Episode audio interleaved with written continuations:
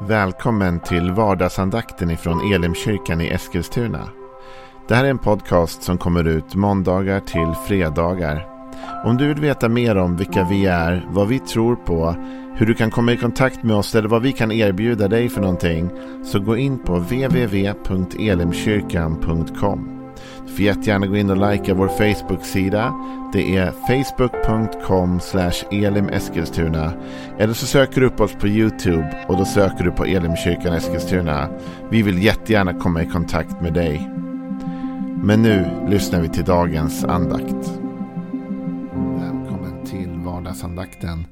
Vi är så glada över att ha så många lyssnare från så många olika platser runt om både i Sverige men också internationellt. Jättekul att ni alla tar en del av er dag för att lyssna till Guds ord. Och det känns hoppfullt också.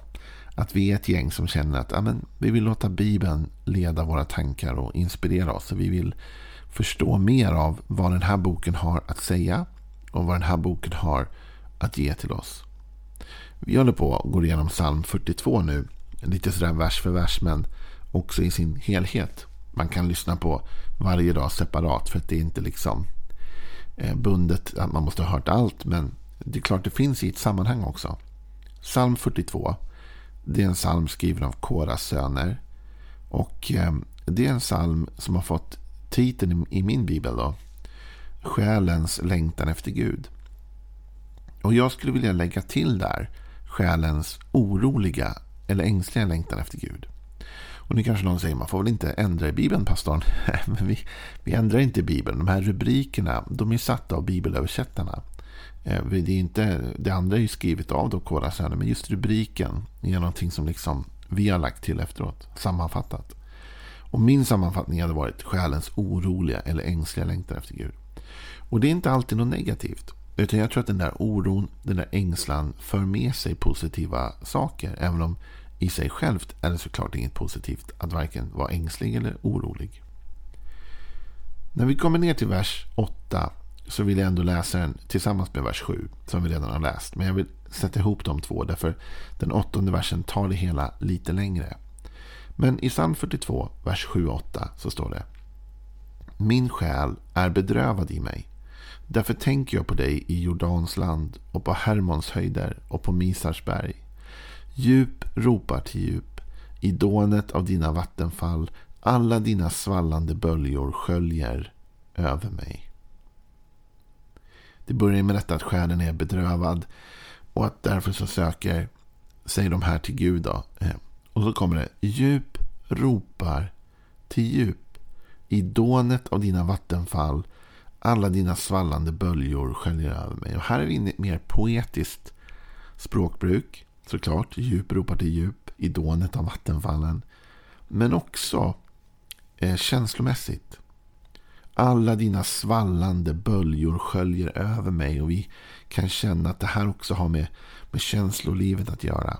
Och det poetiska berör ju ofta just känslor. När våra ord tar slut så målar vi upp dem i bilder, eller hur?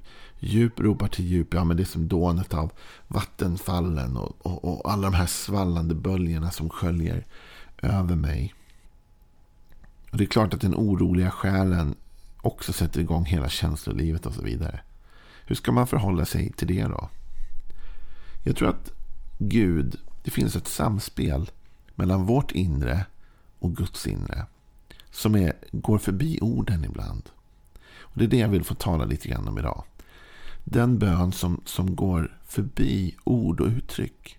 Som ser till det djupa i människan. Som ser till det vi inte ens riktigt vet kanske hur vi ska formulera med våra ord.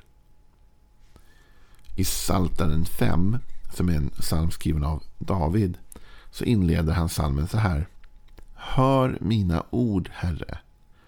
Tänk på mina suckar. Lyssna när jag ropar min kung och min Gud, till dig går min bön. Så här finns det flera olika typer av uttryckssätt som David klämmer in ganska snabbt. Både ropet, eller hur? Lyssna när jag ropar till dig, min kung och min Gud. Och till dig går min bön. Men han börjar med detta också. Hör mina ord, okej. Okay. Och tänk på mina suckar. tänk på mina suckar. Han säger inte tänk på allt jag sa eller tänk på. Han säger först hör mina ord. Men sen säger han tänk på mina suckar. Och jag menar att det finns en djupare bön ibland hos dig och mig som inte ska föraktas. En bön där vi inte alltid vet vad vi ska be. En bön där orden tar slut. Vi är i någon situation och vi vet inte ens hur vi ska kunna uttrycka till Gud det vi känner. Och vi vet inte ens vad vi ska be om kanske. Det är ett här omöjligt läge liksom. Men även i den stunden så kan vi förlita oss på att Gud hör våra suckar. Och Gud kan utläsa ur oss det vi ens inte kan riktigt formulera. Han känner oss så väl. Det står tänk på mina suckar och när jag eh, kollade vidare lite grann på det så kan det också översättas tankar. Tänk på mina tankar. Alltså se inuti mig. Jag tänker ibland på som förälder. Det blir en referenspunkt för mig. Jag vet att inte alla har möjligheten att vara en förälder eller har kunnat bli det. Men för mig som har barn så kan jag ibland, man lever så nära sina barn. Att man, man kan till slut se på dem. De behöver inte ens använda ord. Utan man kan se om de är glada, ledsna. Om de funderar på något. Om det är något som gör dem oroliga. Typ man kan läsa det när de kommer in i rummet. Och Jag tror att det är något kraftfullt som även Gud har.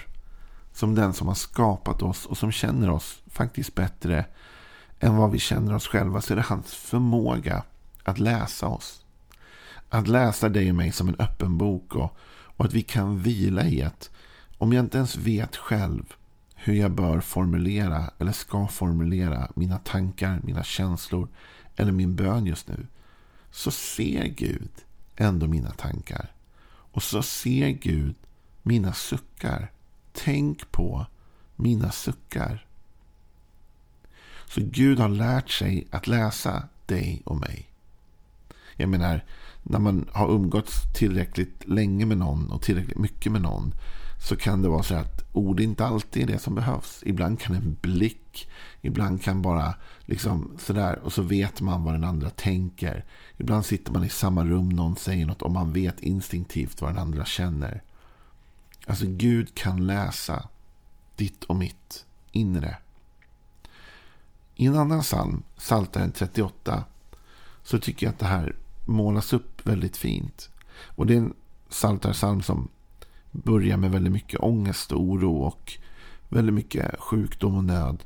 Och så kommer man ner till vers 9 och då står det Jag är maktlös och helt krossad. Jag ropar i mitt hjärtas ångest. Herre, du känner all min längtan. Mina suckar är inte dolda för dig. Mitt hjärta slår häftigt och min kraft har lämnat mig och mina ögons ljus är också borta.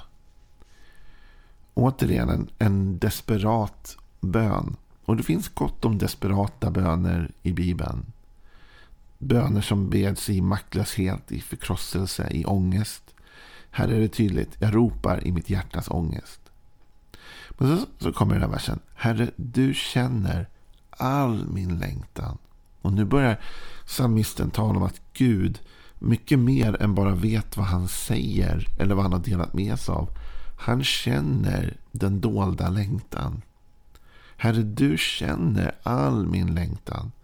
Mina suckar är inte dolda för dig. Alltså du har sett allt Gud. Det här är en, en bön från djupet av det inre.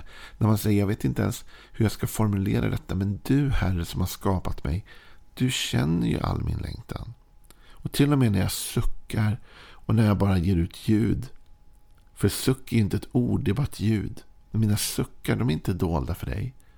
Du Gud kan tyda och läsa och se bönen som ligger fördold i mina suckar. Och så mitt hjärta slår häftigt. Min kraft har lämnat mig, mina ögons ljus är också borta. Men det talas om att Gud liksom ser hela människan och det som händer i människan och kan se det som också det är en bön. När hjärtat slår häftigt, när kraften lämnar, när ångesten kommer så känner Gud all vår längtan. Han kan våra suckar. Han ser den bön som döljer sig även i allt detta. Det desperata ropet, själens ängsliga, oroliga längtan efter honom.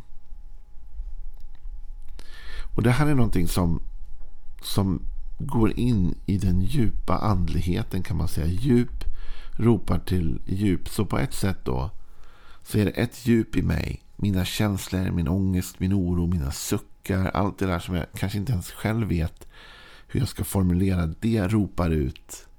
Men det ropar ut till någonting. Eller hur? Psalm 42 sa rop, djup, äh, rop, djup ropar till djup. Med andra ord, det finns något djupt i mig som söker connecta med något. Med vad? Med det djupa i Gud. Och då kommer vi till Romarbrevet 8. Där Paulus talar om anden som Gud har gett oss. Och som hjälper oss just i den här svagheten, tröttheten. När vi inte ens vet hur vi ska be eller tänka. Så står det i Romarbrevet 8 och 26. Så hjälper också anden oss i vår svaghet. Vi vet inte vad vi borde be om. Men anden själv vädjar för oss med suckar utan ord.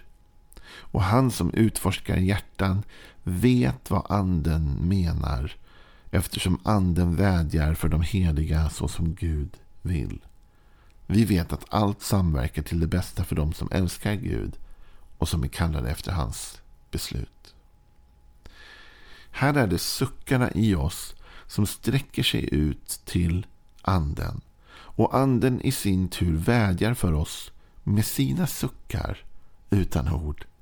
Det är som att anden kan tolka ditt och mitt inre kaos. Om man ska uttrycka sig så. Det vi inte ens kan sätta ord på. Det tar anden och förmedlar med sina egna suckar till Gud. Och han kan förstå. Han som utforskar hjärtan vet vad anden menar. Så här blir anden som ytterligare en tolkningscentral för dig och mig. Vårt djup ropar till anden, till den heliga ande. Och där kommer alla våra känslor, alla våra suckar, allt det där vi inte ens vet hur man sätter ett vettigt ord på. Det snappar den helige ande upp. Han fångar upp det. Och själv så förmedlar han det också på samma sätt. Med sina suckar. Med sitt väsen liksom. Till Gud. Och Gud som är den som utforskar både våra hjärtan. Och som utforskar allt som såklart har med anden att göra. Anden är Gud. Han förstår och vet precis vad det är som anden menar. Eftersom anden vädjar för de heliga så som Gud vill. Med andra ord, den heliga ande tolkar allt det du och jag suckar fram och ger det till Gud. Och Gud kan göra någonting med det. Så till och med när du och jag känner sådana här dagar då du och jag kanske tänker jag orkar inte be. Jag vet inte vad jag ska be. Mitt liv är ett kaos. Jag känner bara oro och ångest. Och jag vet inte ens hur jag ska liksom tänka. Sådana dagar kan du vara trygg. Låt din suckan gå till Gud. Säg till Gud, Gud, jag vet inte ens vad jag ska be. Men läs mitt hjärta. Läs min längtan. Läs mig som en öppen bok. Och forma det till en bön. Och då kommer den heliga ande liksom tolka alla dina suckar, all din längtan, all din oro. Och så kommer han forma det till en bön som når fram till Faderns hjärta. Och det är någonting fantastiskt. Och här finns ju ett erbjudande för alla de som har tagit emot den helige Ande på ett sådant sätt att också man har fått del av det himmelska språket som kallas för tungotalet. Att när vi talar i tunga, va, då, då får, ger vi vårt inre en chans att uttrycka sig. Anden en chans att uttrycka sig på ett sätt som vi själva kanske inte kan. Och bönen blir stark. Det är ett hemligt språk kan man säga. I första Korinthierbrevet 14 och 2 står det. Den som talar tungomål talar inte till människor utan till Gud. För ingen förstår honom. Han talar hemligheter i sin ande. Så när du och jag talar tungor, i tungor, då är det djupet som talar till djupet. Ingen runt omkring kan förstå, kan, kan tyda det. Om man inte har någon sorts uttydningsgåva. Men annars förstår man inte det. Utan vi talar hemligheter. Från vår ande till Guds ande till Gud själv. Så jag vill uppmuntra dig och uppmana dig idag. Du som kanske känner att livet är lite tufft. som inte ens vet hur eller på vilket sätt du skulle kunna uttrycka det du känner eller det du bär inom dig. Skulle jag vilja säga att dina suckar och din längtan är sedda av Gud. Ge dem till Gud. Säg till Gud. Gud, idag så kanske jag inte kan forma den vackra bönen med de vackra orden och jag vet Gud inte ens själv vad jag ska be. Men medan jag går här och suckar idag och medan jag går här och med all min längtan inombords och alla mina känslor. Herre, läs mig. Läs mig som en bok. Läs mig som en bön. Och så får den helige ande ta allt detta. Dina suckar, din längtan, din oro. Forma det till en bön och ge det till Gud. Så ska du se att Gud kan svara även på detta. Och att hans djup kan ropa tillbaka till djupen i dig. Ha en välsignad dag. Imorgon så fortsätter vi med ännu mer av psalm 42. Men fram tills dess, Guds frid och Guds välsignelse över ditt liv. Hej då.